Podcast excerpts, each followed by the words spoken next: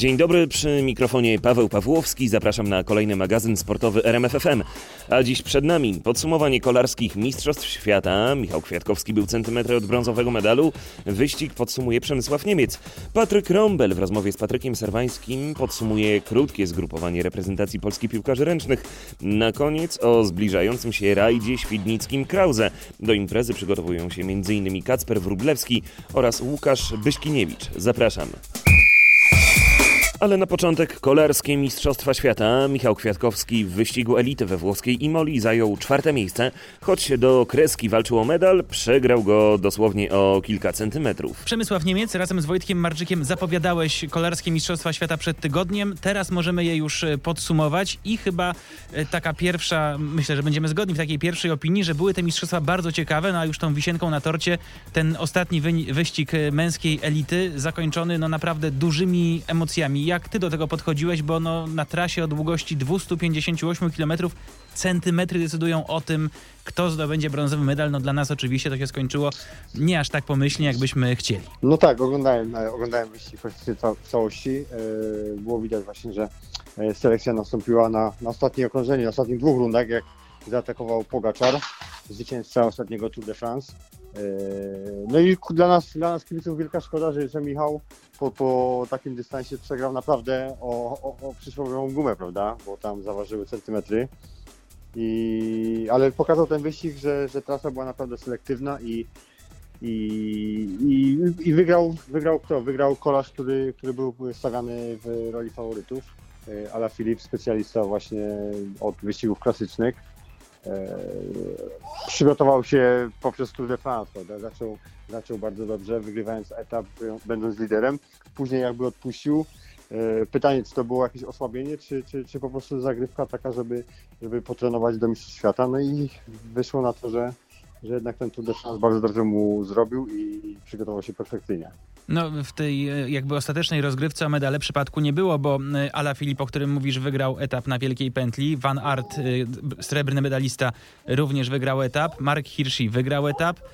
Michał Kwiatkowski też wygrał etap, także czołowa czwórka pokazywała się na Wielkiej Pętli, więc no mówimy często o tym i tak samo było przed tym wyścigiem, że ta grupa faworytów, tych osób, które mogą znaleźć się na podium jest zawsze bardzo szeroka. To jest tak naprawdę 20-30 nazwisk i obecność na podium nikogo by nie zaskoczyła. Tutaj jednak takiego przypadku do końca nie było. To było widać widać zawodnicy, którzy byli rzeczywiście w dobrej dyspozycji i pokazywali ją na wielkiej pętli. Tak, e, wyścig pokazał, że, że tak na, naprawdę o medale walczyli koledzy, którzy wyszli dobrą, z dobrą formą z Tour de France, prawda? E, pierwsza czwórka, no to byli kolarze, którzy którzy skończyli tour, wygrywając etapy na tym turze, także e, pokazało to, że, że, że tour, mimo, mimo, mimo iż był ciężki, e, był doskonałą formą przygotowania się właśnie do, do, do, do Mistrzostw Świata. E, tydzień odpoczynku po tak ciężkim wyścigu e, dobrze zrobił kolarzom i, i dzisiaj właśnie było, było widać, że o, o czołowe lokaty walczyli kolarze, którzy, którzy ukończyli tydzień temu Tour de France. Było widać na tych decydujących kilometrach, zanim jeszcze nastąpiła ta ostateczna ucieczka, jak pracują na, na początku peletonu Belgowie, jak pracują Francuzi, czyli no też potem wyprowadzili tych swoich liderów, bo Van Aert i Alaphilippe na podium. Michał Kwiatkowski takiego wsparcia był pozbawiony i wydawało się też momentami, no, że wręcz jakby troszkę zaczął odstawać. Widać było, jak on też w tej czołowej grupie raz gdzieś zjeżdża na koniec, potem znajduje się gdzieś wyżej znowu w tej grupie, z lewej strony szosy, z prawej strony szosy. Widać było, że on to wszystko kontroluje, stara się wyczekać ten najważniejszy najważniejszy moment i to mu się tak naprawdę udało, bo to po ataku y, Michała, no ta grupa już jakby rozerwała się najpierw do ośmiu osób, potem do sześciu, no i poprawił Ala Filip, odjechał. To też pokazuje, jak często w takim nawet długim wyścigu jeden moment decyduje jakby o wszystkim, jak łatwo się gdzieś zagapić czy stracić swoją szansę na, na coś więcej, bo przecież tam w ciągu dosłownie no, kilkudziesięciu sekund ta grupa się porwała i ci, którzy zostali z tyłu, już byli pozbawieni absolutnie szans na cokolwiek. No tak, Michał, Michał rozegrał ostatnie kilometry perfekcyjnie na, na, na wyścigu, bo pamiętajmy, że już 30 kilometrów e, został, został sam bez ekipy, no i, i musiał po prostu też dobrze kalkulować, e, nie atakować za każdym razem, znaczy nie kontrolować za każdym razem, jak były ataki, e, kasować wszystkiego, tylko, tylko z głową właśnie obserwować tych, tych najlepszych kolarzy, jak będą atakować i trzymać się tej czołówki. To czasami tak kolarze robią właśnie, że jak czują, że na przykład mają pod nogą, po prostu też specjalnie troszeczkę wpływają jakby na, na, na dalszą pozycję, żeby, żeby mieć chwilę jakby tego, chwilę tego, tego relaksu. a później w decydujących e, momentach, jak już e, faworyci atakują, wtedy być w gotowości i, i być gotowym na, na, na atak, prawda? I, I Michał według mnie rozegrał to perfekcyjnie. No wiadomo, po takim dystansie, no to nogi już, już różnie reagują i, i wysiłek naprawdę, naprawdę był dzisiaj wielki, no bo dużo przewyższenia. No tak jak mówię, no zabrakło troszeczkę, troszeczkę szczęścia, ale mimo wszystko wielkie gratulacje dla Michała, no bo rozegrał ten wyścig perfekcyjnie.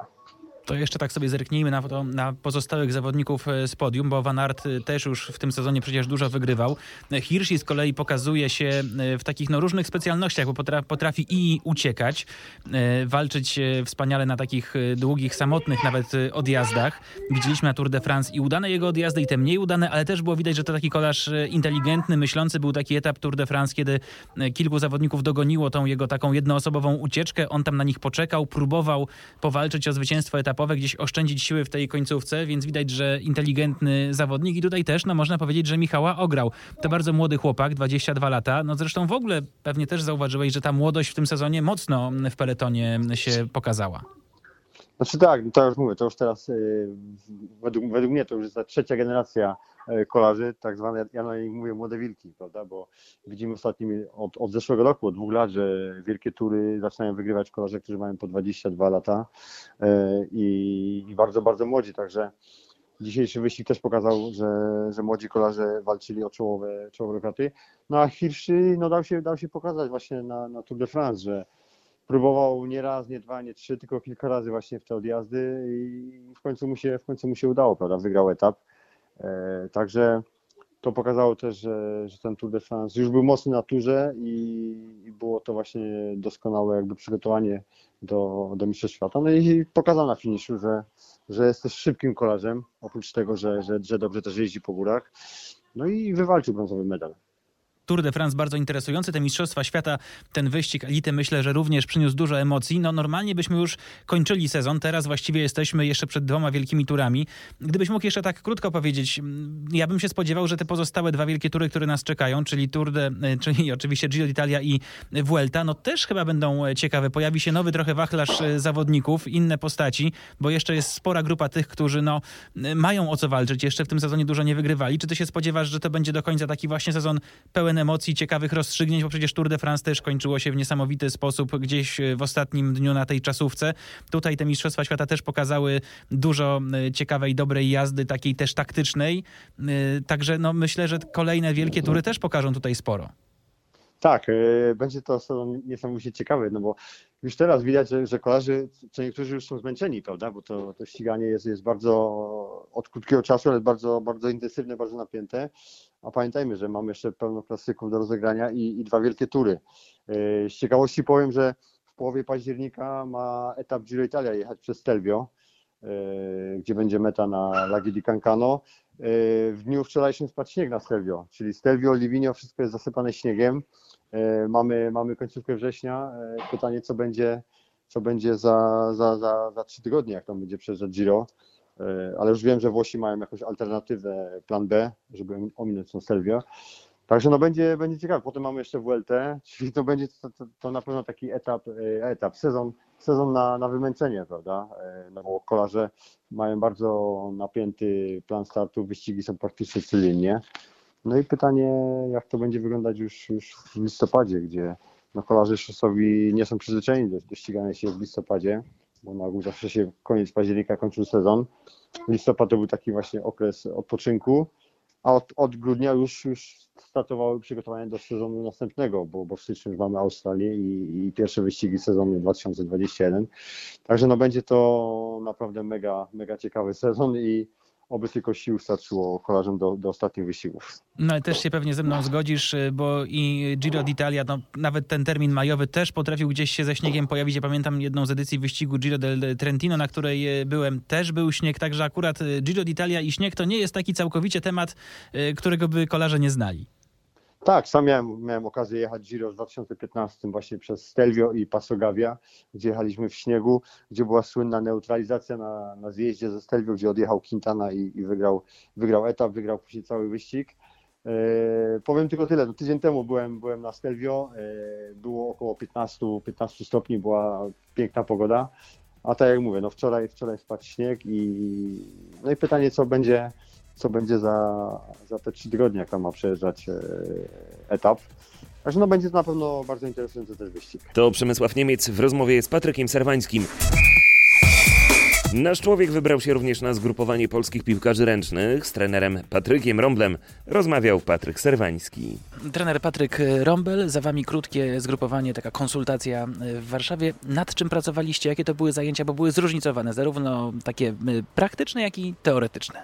Tak, no zawsze tej, tej, pracy teoretycznej, praktycznej jest, jest dużo, bo, bo też no, wiemy w jakich realiach się obracamy, czyli tego czasu mamy zawsze za mało, jego, jego jest niedużo, więc staramy się zoptymalizować to co, to, co robimy. Czyli z jednej strony praca teoretyczna, po to, żeby przekazać jak najwięcej informacji o nadchodzących przeciwnikach. Tutaj mowa w szczególności o Słowenii, Niderlandach, czyli przeciwnikach w eliminacjach do e, Mistrzostw Europy, które będą za, za, za dwa lata i tutaj na tym zgrupowaniu przekazaliśmy zawodnikom, którzy byli, e, włącznie z omówieniem, indywidualnie wszystkich zawodników, z którymi będziemy się mierzyć, taktykę gry w ataku w obronie ze z tych zespołów, o których była mowa i to, co my będziemy, nasze zadania przeciwko, przeciwko ich grze w ataku i przeciwko ich grze w obronie. Oprócz tego mieliśmy tutaj wczoraj e, spotkanie online z zawodnikami, e, z tymi, których nie było na zgrupowaniu, po to, żeby przekazać im te informacje w formie elektronicznej, czyli w formie plików wideo, Y, z załącznikami, tych wszystkie rzeczy, które omawialiśmy tu z zawodnikami, oni dostali po prostu w formie elektronicznej po to, aby mogli na zgrupowanie 26 października już bezpośrednio przed e, eliminacjami, na które przyjadą, żeby już po prostu mieli tą, tą wiedzę, że mogli się do tego przygotować i przyjechali już bogatsi o, o te materiały, które tutaj, tutaj przy, przygotowaliśmy. Plus w hali już w praktyce tutaj z tymi zawodnikami też omawialiśmy to wszystko, z czym będziemy się mierzyć 5 y, i 8, 8 listopada. Czas można powiedzieć y, niełatwy, bo podkreśla Pan za każdym razem, że każdy dzień treningu, każdy dzień spotkania z reprezentacją jest niezwykle ważny. Tutaj oczywiście bez zawodników chociażby Azotów Puławy, eliminację runda wstępna Ligi Europejskiej, jeden mecz za nimi, za chwilę rewanż, także bez zawodników z Kielc, bo oni oczywiście grają w każdym tygodniu w Lidze Mistrzów. Mimo to, mimo pewnych osłabień zawodników, którzy będą istotni w tych meczach listopadowych, takie zgrupowania, nawet w takim nieco okrojonym składzie mają duże znaczenie i, i duży sens? To każde zgrupowanie, każdy moment, w którym my możemy się spotkać z zawodnikami, którzy mają szansę y, zagrania y, w tych meczach, no, daje nam jakiś handicap, daje nam coś ekstra. Ten, ten, ten, ten moment, w którym no, oni będą bogaci o, o, o ten sposób grania, y, naukę tego systemu gry w obronie, w ataku, który my proponujemy. Nawet jeśli tutaj z tego zgrupowania na, na, na, na boisku pojawi się trzech zawodników, no to tych trzech zawodników będzie przygotowanych lepiej o te sześć dni, które, które tutaj mieliśmy możliwość spędzenia, spędzenia razem. Także dla mnie każde i dla nas, dla całego sztabu, każdy możliwość spotkania się z nimi jest, jest niezwykle cenna i staramy się jak najbardziej wartościowy sposób wykorzystać tu i każdy trening, i każdą sprawę techniczną i, i każdy moment tego zgrupowania na to, żeby porozmawiać indywidualnie z zawodnikami, grupowo, na to, żeby potrenować razem i dalej przekazywać wiedzę po to, żebyśmy byli jak najmocniejsi w meczach eliminacyjnych. Proszę powiedzieć w takim razie dwa słowa o takiej kuchni przygotowań nawet do takich konsultacji. Posłużę się takim e, niedawnym przykładem. Trener Czesław Michniewicz, od niedawna trener Legii Warszawa, który łączy tą funkcję jak na razie z, bycia, z byciem trenerem kadry młodzieżowej piłkarskiej, opowiadał o tym, że po ostatnich meczach kadry U21 miał trochę czasu, pojechał sobie na 10 dni na Kaszuby, tam oczywiście przygotowywał analizy e, wideo kolejnych rywali i tak dalej, tak dalej, no ale mógł sobie pozwolić na nieco takiego spokojnego okresu. Jak to wygląda w przypadku pana i pańskiego sztabu, kiedy jesteście pomiędzy jednym a drugim zgrupowaniem, kiedy trzeba przygotować te materiały, które tutaj będziecie pokazywać. Jak dużo to jest pracy, a jak dużo jest czasu na przykład na to, żeby powiedzmy tego typu też y, różne materiały przygotować, no powiedzmy w jakimś takiej swobodnej atmosferze, gdzieś y, na, na łonie natury tylko i wyłącznie z laptopem, czy to jest jednak taka praca typowo w biurze z wieloma innymi y, akcesoriami czy, czy, czy rzeczami, które są niezbędne do tego, żeby nawet na takich kilka dni się odpowiednio przygotować? To znaczy to, ta, ta praca dzieli się na, na, na, na, na kilka rzeczy. Z jednej strony przygotowujemy się zawsze do przeciwnika, do kolejnego, do kolejnych przeciwników. W tym wypadku zawsze to są przynajmniej dwa, dwa mecze, bo w tygodniu tym dla kat narodowych są przepraszam, dwa mecze eliminacyjne. Więc dzielimy się pracą y, ze sztabem, rozdzielamy indywidualne y, przygotowanie y, zawodników przeciwnika, czyli każdy ma do obserwowania dwóch, trzech zawodników, czterech, no ja mam troszkę więcej, racji tego, że mam tutaj pełnię tę funkcję pierwszego trenera, więc ja mam tych zawodników więcej, obserwujemy to, co oni robią w klubach, plus oglądamy te mecze reprezentacji, w których oni grali, wybieramy te fragmenty, które będą nas interesowały, oprócz tego obserwujemy te mecze, które rozegrali pod kątem tego, w jaki sposób taktycznie y, zespół jest przygotowany, w jaki sposób gra w obronie, w jaki sposób gra, gra w ataku, w jaki sposób wraca, wraca do obrony, ilu zawodników zmieniają, przygotowujemy to w formie materiałów wideo, wycinamy, siedzimy, omawiamy to razem, plus to jest przygotowanie do, do, do przeciwnika, natomiast z drugiej strony naszym zadaniem znowu dzielimy się zawodnikami naszymi, których obserwujemy co tydzień, mecze, które oglądamy również po każdej takiej kolejce dzwonimy do siebie, omawiamy kto jak zagrał, tak, bo, bo tak jak mówię, każdy ma swoją grupę zawodników, y, których obserwuje. Omawiamy to, w jaki sposób oni grali, czy wszyscy są zdrowi, bo to jest dla nas bardzo ważne, jak, w, jaki sposób, w jaki sposób byli wykorzystywani, wykorzystywani w meczach, do, do, dokonujemy oceny tego, co zrobili w tym, w tym tygodniu i w taki sposób wygląda ten czas do pracy do, do, do, do, do kolejnego zgrupowania. Ponadto pełnię jeszcze funkcję koordynatora, więc moim zadaniem jest również kontakt z trenerami w SMS-ach, objeżdżenie tych SMS-ów, kontrolowanie tego, co tam się dzieje. Yy, również analizujemy to, w jaki sposób pracują zawodnicy w SMS, czyli oglądamy wspólnie, znaczy ja oglądam treningi zawodników i, i, i, konkretnych roczników w SMS-ach. Wysyłamy również nasze uwagi, rozmawiamy z trenerami, w jaki sposób lepiej tego systemu naszego y, gry w ataku i w obronie uczyć młodych zawodników. No, więc tego czasu jest niewiele. A jeśli Pan pyta o możliwość zrobienia tego poza biurem, oczywiście można, natomiast w biurze mam, mam zawsze łatwiejszy dostęp do, do współpracowników, do, do, do organizowania tego, co będzie za chwilę, do, do ludzi, którzy zajmują się całą logistyką. Więc łatwiej się zrobić w biurze, natomiast rzeczywiście też jak był taki moment, gdzie można było zrobić wyjazd, nie miałem problemu z tym, żeby tego laptopa wziąć i gdzieś w wolnej chwili, gdy, gdy, gdy, gdy nie wiem, dzieci poszły spać, żeby posiedzieć sobie i coś tam jeszcze porobić. Natomiast na pewno większy komfort mam, gdy jestem, gdy jestem w biurze. Oczywiście mm, mówmy teraz na takim pewnym poziomie e, teorii, ale kiedy przygotowuje Pan powiedzmy pod konkretnego rywala jednego, e, chociażby fragmenty wideo, zakładam, no, że tak, po pierwsze oczywiście jak ten przeciwnik zachowuje się w obronie, jak w ataku, są pewne powtarzalne akcje i są też pewnie rzeczy, e, pewnie każdy trener też tak to przygotowuje, że oprócz jest jakiś powiedzmy schemat, ale czasami ten schemat będzie się jakimś jednym detalem gdzieś tam różnił, żeby coś innego zrobić. To ile takich fragmentów tak naprawdę można przygotować, żeby pokazać pewne warianty gry m, takiego jednego przeciwnika. To jest kilkanaście, kilkadziesiąt takich y, krótkich filmików wideo, które potrafią już naświetlić, jaki, jaki to jest rząd wielkości, o jakiej po prostu mówimy liczbie takich, takich materiałów, które pozwolą już drużynie pokazać i wytłumaczyć, co ten rywal chce na boisku robić. To znaczy, z jednej strony, y, tak jak mówiłem, to jest indywidualne przygotowanie się pod konkretnych zawodników. Wiadomo, że każdy zespół ma tych dwóch, trzech, czasami czterech kluczowych zawodników i musimy wiedzieć, co oni mogą zrobić, bo to na nich opiera się najczęściej ta gra. Więc przygotowujemy bardzo szczegółowo tych trzech, czterech zawodników. Przygotowujemy dla, szczególnie ważne to jest dla naszych obrońców, jeśli to są zawodnicy, którzy no, decydują o obliczu gry w ataku. Te akcje, tak jak Pan mówi, te zmienne i te opcje, które oni mają, które mają oni w ataku, czyli indywidualnie dla każdego zawodnika są przygotowane klipy, w których widzimy konkretne sytuacje, w których oni robią konkretne decyzje, konkretne akcje i to jest, to jest dla nich. Plus oczywiście przygotowujemy te warianty taktyczne rozwiązania i różne warianty rozwiązania tych, tych, tych umownych powiedzmy schematów, których wiadomo za każdym razem to różni się naprawdę bardzo małymi detalami i to robimy dla, dla, dla, całej, dla całej obrony po to, aby wiedzieć jak nasza organizacja będzie, będzie, będzie wyglądała. I podobnie ma się y, rzecz, jeśli chodzi o pewien schemat gry w obronie przeciwnika, czyli też my musimy znaleźć swoje rozwiązania, tak aby one były w jak największym stopniu wykorzystywać ich słabe punkty, a akcentować nasze, nasze, mocne, nasze mocne strony. I to wszystko na końcu daje nam, nam to, że jesteśmy w pełni przygotowani do, do, do przeciwnika. Natomiast, no, tak jak mówię, no, to, to dzięki, dzięki pracy całego, całego sztabu tylko jesteśmy w stanie zrobić to, żeby w jak takich maleńkich szczegółach przygotować i, i, i, i później przekazać to, to zawodnikom te najważniejsze rzeczy. Bo my oglądamy mnóstwo materiału, a my musimy z tego wybrać godzinę, dwa, dwie, dwie godziny, no, dwie i pół godziny wideo w całości, żeby, żeby te najważniejsze rzeczy dać zawodnikom.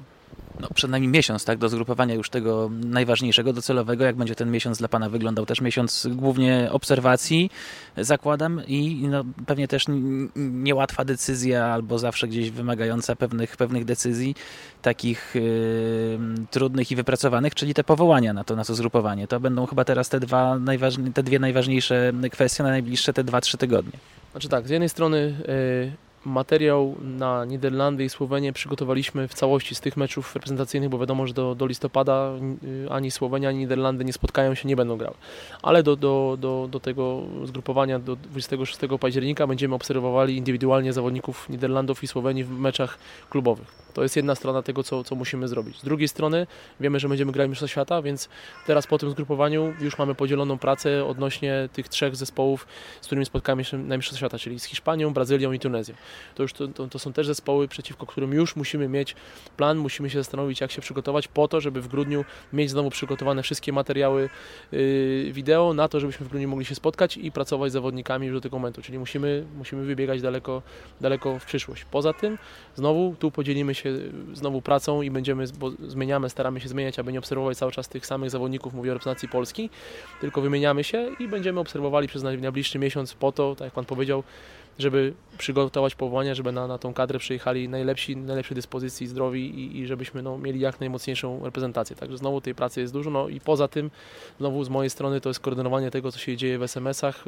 obserwowanie treningów, rozmawianie z trenerami, odwiedzanie SMS-ów na, na miejscach. Teraz tu po tym zgrupowaniu jadę na dwa zgrupowania kadr młodzieżowych rocznika 2002 w Zakopanem i później od 4 października jestem y, w Griffinie na zgrupowaniu kadry 2004 i na dwóch meczach sparingowych y, z zespołem Niemiec. Także tej pracy, tej pracy jest dużo. Natomiast no, ja mówię, ja jestem tylko wdzięczny, że tutaj od związku mamy, mamy tak rozbudowany sztab, że naprawdę tą pracą możemy się podzielić w sposób bardzo efektywny i tych materiałów mamy dużo i, ta, ta, ta praca, przynajmniej jeśli chodzi o logistykę, jest, myślę, że jest całkiem nieźle poukładana. Kontekście Mistrzostw Świata to jest też ta decyzja dosyć istotna, e, związana też z tymi kwestiami, realiami, w których żyjemy, sportowo, niesportowo, czyli covidowymi, tak? Rozszerzenie tego składu.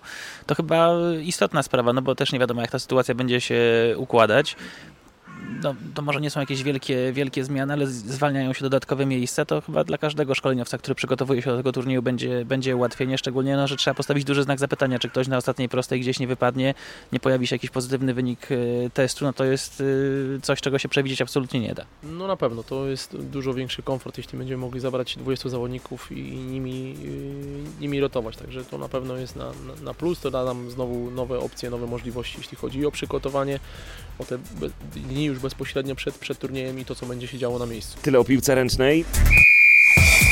Na koniec o zbliżającym się rajdzie świdnickim Krause, czyli trzeciej rundzie rajdowych samochodowych Mistrzostw Polski.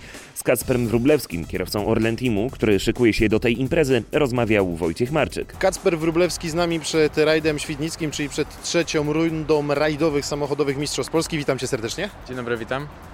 Można powiedzieć, że humor chyba z, ze startu na start coraz lepszy. No, dwa razy problemy w RSMP, ale teraz na takim mniejszym rajdzie na tarmaku dobry występ, drugi czas, no i już bez problemów z samochodem. E, tak, tak jakby, no jest jakby widać, znaczy inaczej. E, my jesteśmy w formie jako załoga naprawdę tak by myślę, że jestem w takiej życiowej formie rajdowej, w której nigdy nie byłem. Na to się składają tak by kilometry, które już zrobiłem e, samochodami R5. E, niestety jakby mamy nowy samochód, więc cały czas go dopracowujemy, dopracowujemy ustawienia. E, no mamy dużo pecha po prostu. Jakby okej, okay, na Rzeszowie mój błąd, e, urwałem koło, w cudzysłowie, bo tam jakby pękła felga i pojechaliśmy dalej, ale z dużą stratą. No na rajdzie Śląska niezależna od nikogo awaria, która się przytrafiła i duże straty czasowe. No teraz musimy atakować, żeby, żeby jakkolwiek skończyć ten sezon e, gdzieś w czubie w Mistrzostwach Polski i pokazać swoją prędkość. Ten krótki sezon pokazuje, że dzieją się rzeczy dziwne, bo obsada rajdu świdnickiego wyjątkowo mocna, bo bodaj 15 R5 aż. Tak, to jakby, no przez to, że ten sezon jest dosyć krótki i zamiast 7 rajdów są 4, no to jakby e, ci kierowcy z mniejszym budżetem są w stanie wynająć samochody R5 i, i pojechać takie rajdy. E, to jest fajne dla nas, to tylko i wyłącznie dla plus i na plus i bardzo się cieszę, że tak jest, bo zawsze to większa konkurencja, e, większy prestiż klasy, e, no i tak by więcej współzawodników, z którymi możemy się ścigać, to jest fajne i zawsze to podnosi poziom. Świdnica to rajd, y, który lubisz, nie lubisz, jak on Ci się kojarzy? W Świdnicy startowałem dwa razy tylko. Eee, Pierwszy raz to był mój w ogóle pierwszy rajd w rajdowym Pucharze Polski, wtedy jeszcze kliówką jeździłem. Eee, Później jechałem Peugeotem raz. Eee, Bardzo lubię ten, te trasy. Są to takie typowe, klasyczne polskie odcinki, bardzo szybkie, dosyć szerokie, choć teraz organizator wprowadził drobne zmiany, drobne nowości. Jest kilka, dwa odcinki bodajże, które są dosyć wąskie, takie bardziej jak rajd rzeszowski, ale Świdnica się tak jakby charakteryzuje tym, że jest duża przyczepność asfaltu i to jest fajne. No właśnie, mm, powiedz nam coś o OS-ach, no bo legendarny na Świdnicy jest OS Walim. Tak, Rozciszów Walim, same kostki w Walimu, y, cztery takie słynne nawroty, e, u nas się to nazywa patelnie. E, no, słynne zakręty, na których e, zawodnicy się ścigają od wielu, wielu, wielu lat. E, ten OS też chodził w rajdzie Polski, e, w rajdzie Nikon, e, więc y, no, fajnie się tam znaleźć, fajnie tam pojechać rajdówką, szczególnie R5, czyli auto najwyższej klasy i no tak jakby dać radość kibicom, bo to wiadomo, że to są dwa zakręty, które zazwyczaj oddajemy tam czas, żeby sprawić radość kibicom.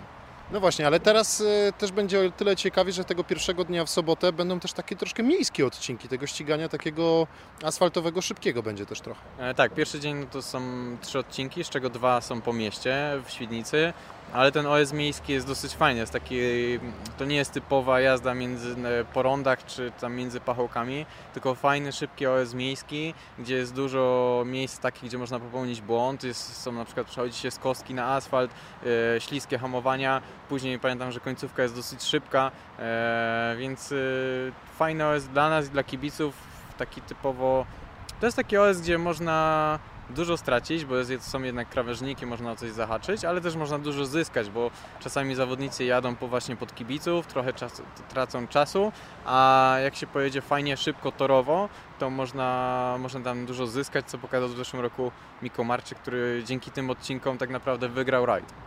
Wspominałeś y, o tym, że czujesz się w formie i to też pokazywały czasy w końcówce rajdu Śląska, bo byłeś w stanie o, nawiązać taką bardzo wyrównaną walkę z Grześkiem Grzybem i Jarim Hutunenem. Tak, to nas bardzo cieszy. Ta końcówka rajdu Śląska nas naprawdę bardzo ucieszyła, bo tak jakby po rajdzie rzeszowskim i po tej awarii na rajdzie Śląska, no tak jakby byłem mocno przybity i psychicznie zmęczony tym wszystkim, że cały czas coś się nie udaje. E, No ale tak by te czasy dają taką, taki motor do, do działania dalej i dążenia do, jakby do sukcesu, bo e, no pokazuje, że naprawdę mamy do, dobrą formę i, i ta prędkość jest i jak wszystko się ułoży, e, bo trzeba pamiętać, że w rajdach to nie tylko ja i mój pilot, ale właśnie samochód, opony, e, ustawienia auta, jak to wszystko się złoży kupę, no to jesteśmy na bardzo dobrym, wysokim poziomie konkurencyjnym no, z Jarim Hutunenem, który jest liderem Mistrzostw Świata w klasyfikacji WRC3. Wspominasz o pewności siebie i chyba Ci tak właśnie trochę w tym sezonie mm, brakowało, no bo pech, problemy, e, no i do tego jeszcze bardzo silni rywale, bo trzeba przyznać, że ten sezon e, też wielu kierowców e, ma pecha, bo patrząc na, na Twoich konkurentów, czy Tomek Kasperczyk w Ze- w Rzeszowie wypadł, mm, Marcin Słobodzian, no, no, no właśnie w rajdzie Śląska wypadł z trasy, więc też ta walka gdzieś między Wami może być, żeby odrabiać.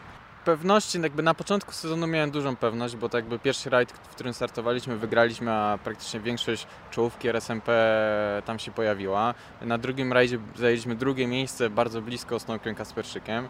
Eee, Na trzecim rajdzie, czyli rajdzie rzeszowskim, pierwszej eliminacji Mistrzostw Polski, no niestety zdarzył się ten błąd. No i to tak jakby mocno wytrąca z torów i plus jakieś tam problemy z autem, później nie do końca tak jakby auto było sprawne przez cały rajd, e, więc no to tak jakby tą na- naszą pewność mocno przybiło. No ale teraz staramy się ją odbudować i, i myślę, że tak jakby teraz jest ta forma taka dosyć dobra.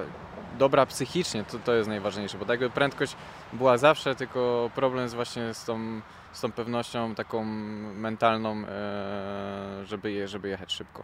Jak będzie wyglądał ten ostatni tydzień rajdowy, bo rozumiem jeszcze jakieś testy, no potem zapoznania, e, no i już takie ostateczne sprawdziany przed tym sobotnim startem. No, tak by teraz skupiam się na, na przygotowaniu do, do samego rajdu, do tej trasy. Dużo oglądam nagrań zeszłorocznych, czy tam z poprzednich lat, innych zawodników też, żeby zobaczyć jak, jak oni jechali. E, niestety nie mamy testów przed tym rajdem.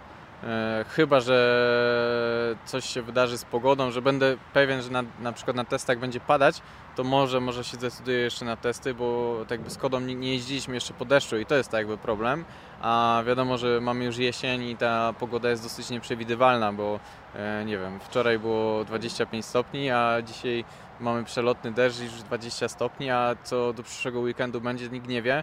E, ciężko to też sprawdzić w długoterminowych prognozach, więc y, no, tak by właśnie tą niepewnością teraz przed tym rajdem jest pogoda. E, a potem opis, przygotowanie, mówisz, oglądasz też onboardy. Te onboardy dużo pomagają potem w przygotowaniu opisu? Tak, bardzo dużo. Jeżeli wjeżdżam na OS i od startu wiem, gdzie jestem, to już sobie układam tą drogę w myślach i wiem, jak, e, jak ją opiszę. To daje duże ułatwienie na zapoznaniu i później już na rajdzie, bo jednak notatki to jest jedno, ale ta pewność i wiara w te notatki to jest druga rzecz, która daje tak naprawdę tą prędkość później stricte na odcinku. E, więc tak, jakby końcówka tygodnia, przyszłego tygodnia, no to już jest zapoznanie. Tam, e, jak się nie mylę, mamy na Świdnicy jeden dzień zapoznania, e, gdzie się zapoznajemy z tymi dwoma dniami rajdowymi. Później e, odcinek testowy, oficjalny rajdowy, na którym na pewno się pojawimy i będziemy chcieli wykonać kilka przejazdów, żeby właśnie dostroić auto. I po południu już startujemy i właśnie są odcinki miejskie. No a cała niedziela to jest cała niedziela ścigania. Patrząc na czasy, jakie osiągasz na tych miejskich odcinkach, to one raczej ci leżą. No, patrząc choćby nawet po Rzeszowie, gdzie tam mocno nadgoniłeś i udało się te honorowe, tak powiedzmy, punkty za Power Stage zgarnąć. E, tak, jakby lubię te ostatnie odcinki, no bo tak by, to tak by nawet przy problemach to jest taka, taki trochę reset i walka o coś nowego. To jest fajne i nadaje takiego e, jeszcze większej rywalizacji całym zawodom.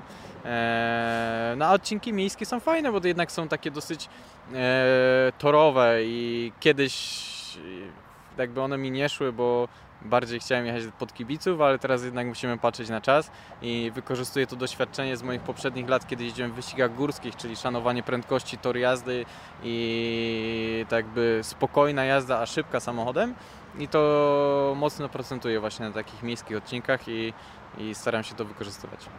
Świdnica rajdem dwudniowym można powiedzieć ów, bo te jednodniowe ścigania chyba nikomu w RSMP nie leżą. Tak, no dla nas im więcej, tym lepiej, aczkolwiek drożej, e, ale, ale cieszę się jak rajdy mają dwa dni, no bo to jednak to są prawdziwe rajdy, tak kiedyś pamiętam jak zaczynałem, to rajdy miały po 3 dni i to było wielkie wydarzenie wystartować w takim rajdzie, zrobić tam 200 e, parę kilometrów olesowych. Tu mamy 140 jak się nie mylę, gdzieś około, no to jest jakby połowa mniej tego co była, ale jednak dwa dni no to zawsze już to fajnie tak by przejechać sobie ten pierwszy dzień, zobaczyć gdzie się jest, przespać się z tym na spokojnie, przeanalizować onboardy i drugiego dnia atakować. To, to jest fajna rzecz, a na, no, na Śląsku nie mieliśmy takiej możliwości, bo był tylko jeden krótki dzień, bardzo intensywny, jeżeli chodzi właśnie o jazdę, długie dojazdówki, no to jest takie męczące i męczące psychicznie, no bo jednak od tego startu trzeba być mocno skoncentrowanym i mocno cisnąć. To nie znaczy, że na długim rajdzie tak nie jest, ale,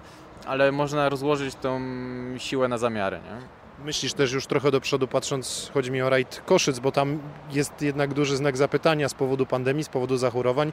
Rajd Tatr odwołany przecież, a to rajdy, które odbywają się gdzieś mniej więcej w jednej okolicy.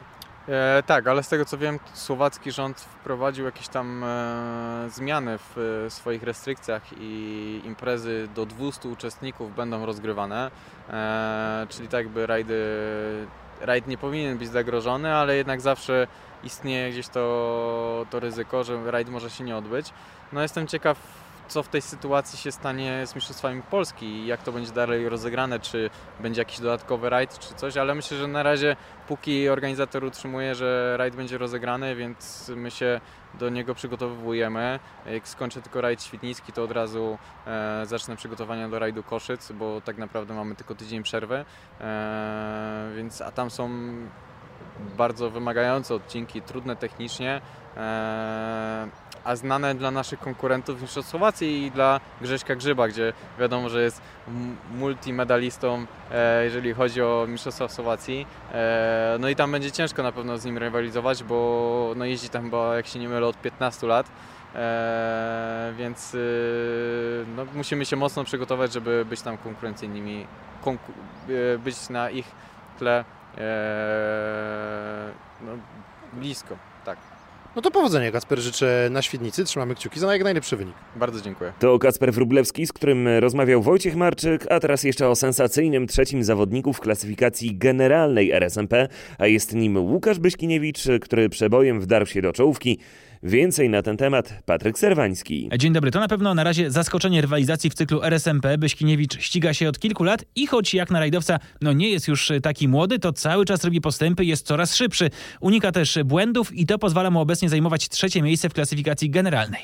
No takim najlepszym miernikiem formy zawodnika rajdowego jest po prostu stoper i czas. No i w tym roku ten stoper jest no, dla mnie bardziej łaskawy, lepiej te sekundy biegną. No i po raz pierwszy w naszej karierze, w mojej karierze, bo Zbyszek Cieśler z innymi kierowcami już kiedyś wygrywał odcinki specjalne, ale ja po raz pierwszy wygrałem odcinek specjalny, odcinek miejski w Rzeszowie i to była wielka, wielka radość, więc no, jeżeli miałbym takie kryterium przyjmować do mojej formy, to naprawdę jest nieźle. Ale czuję tak, że czuję, że w tym roku jedzie mi się szybciej, lepiej. Pokazują to też czasy na innych odcinkach specjalnych. Wygraliśmy również odcinek testowy przed rajdem Śląska, więc w jednym i w drugim rajdzie jest zwycięstwo. No, bardzo blisko jedziemy podium. E, kręcimy się wokół tego czwartego miejsca, ale jadę tak też, żeby nie przesadzać. To jest, jest bardzo szybko, jest e, naprawdę no, no szybko, ale bez takiego szaleńczego jakiegoś ryzyka, żeby gdzieś się wysunąć i to też jest metoda na to, żeby być wysoko w rajdzie i też w, w punktacji na, na, konie, na koniec roku. No, sytuacja właśnie jest taka, że mamy mało rajdów i tu trzeba od początku do końca jechać mądrze, ale i szybko. Tu nie ma, rajdy są krótkie i jest, jeszcze, jest ich mało.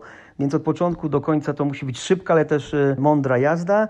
Bardzo dobrze oceniam e, dotychczasowe występy. Świetnie mi się jechało na rajdzie rzeszowskim, czwarte miejsce. Niewiele tam zabrakło do podium i no jeszcze mniej, bo tylko 9 sekund zabrakło do podium w rajdzie Śląska, ale tu już wiedzieliśmy, że jak konkurencja popełniła błędy, no to na, mamy świetne miejsce w punktacji sezonu, więc też nie do końca mi zależało na tym podium. Chociaż z drugiej strony, no marzę, marzę, chciałbym być wreszcie przywieźć garnki z, ge z generalki do domu, ale y, mówię, no nie bitwa, tu trzeba wygrać y, całą wojnę, więc też nie zabijaliśmy się na tych odcinkach, żeby wskoczyć na te trzecie miejsca, bez zabrakło tylko 9 sekund. Dobrze oceniam y, jazdę, a to też jest wynik tego, że mamy poprawiony samochód, świetnie ustawiamy zawieszenie w tym samochodzie. Mój zespół APR Motorsport z mechanikami Kumiega Racing wiedzą, co zrobić z Hyundaiem, wiedzą, jak go dostosować do mojego stylu jazdy i to też jest efekt tego. No to teraz trzeba jeszcze dostosować się odpowiednio do dwóch pozostałych imprez w kalendarzu. Na początek zbliżający się wielkimi krokami właśnie rajd Świdnicki. W rajdach planować niczego nie można, ale ja to zawsze kontynuuję. Zawsze przed startem e, o tym mówię, że, że no pojechać dobry rajd, porządny rajd, żwawy rajd, jechać nie szybciej niż się potrafi. I ta filozofia w moim e, wydaniu się sprawdza, choć tu chciałbym być na, na podium e, w tym rajdzie. W zeszłym roku zabrakło bodajże niecałe 5 sekund e, do podium, a myślę, że forma w tym roku moja jest lepsza, ale z drugiej strony, słuchajcie, no konkurencja jest silniejsza w tym roku. No jest Jari Hutunen, kierowca fabryczny, rozjeżdżony, co weekend startuje e, w innej części świata w rajdzie, jest Grzesie Grzyb i naprawdę i innych jeszcze po 10 kierowców, którzy, no, no wszyscy chcą być jak najwyżej. No nie ma tutaj jakiegoś, jakiejś poukładanej tej klasyfikacji, tylko naprawdę jest sześciu, siedmiu zawodników, którzy mogą znaleźć się na tym podium.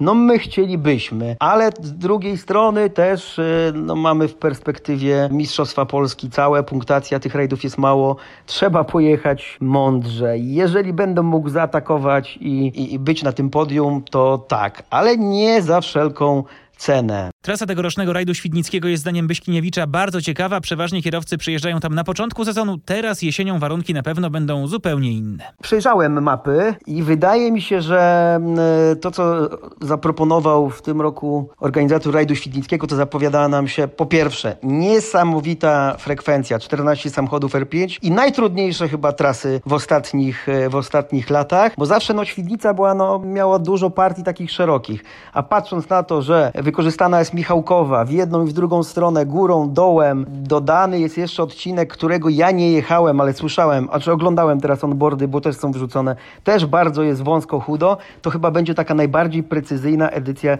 rajdu Świdnickiego. Wąziutka, kręta, bardziej będzie właśnie przypominał to rajd rzeszowski. Nawet nie wiem, czy nie bardziej kręta. No i pierwszy raz jedziemy o tej porze roku. Zawsze rajd Świdnicki kojarzył nam się stopniejącymi śniegami, takim właśnie piachem, żwirkiem po zimie, kiedy drogi są posypywane, żeby auto się nie ślizgały. I jeszcze właśnie nie było tej takiej bujnej zieleni. A teraz prawdopodobnie jak pojedziemy, będziemy startować, to będą to jeszcze liście, więc będziemy jechać bardziej w tunelach. Słabsza będzie widoczność, ale będzie za to bardziej przyczepnie, bo nie będzie tego pyłu pozimowego. Więc zupełnie ten rajd będzie wyglądał inaczej.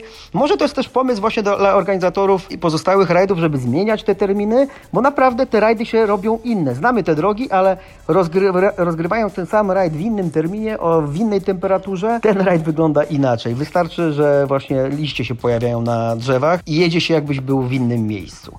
Więc fajny, ciekawy rajd. Wszystkich kibiców serdecznie zapraszam, bo ono tegoroczne Mistrzostwa Polski, choć krótkie, to naprawdę bardzo emocjonujące. Mamy fajnego przybysza z Finlandii. No i my go będziemy próbowali tam ścigać. Znaczy my, no cała polska ekipa, ale czy go dogonimy, to, to raczej nie. Jeżeli miałbym stawiać na tegorocznego faworyta, to on. Dlaczego? Bo jest po prostu zawodowym Finem, a Finowie to fantastyczni kierowcy. Do tego jeszcze to jest człowiek, który nie wysiada z samochodu, samochodu rajdowego. Jak przyjechał na rajd Śląska, to był po pięciu weekendach spędzonych w samochodzie rajdowym, nawinięte kilometry, on wsiada i jak, jedzie jak maszyna, po prostu odruch za odruchem, zawodowiec. I ja bym e, stawiał na niego pieniążki w tym sezonie. I to już wszystko w tym wydaniu magazynu sportowego. Kolejny za tydzień. Do usłyszenia.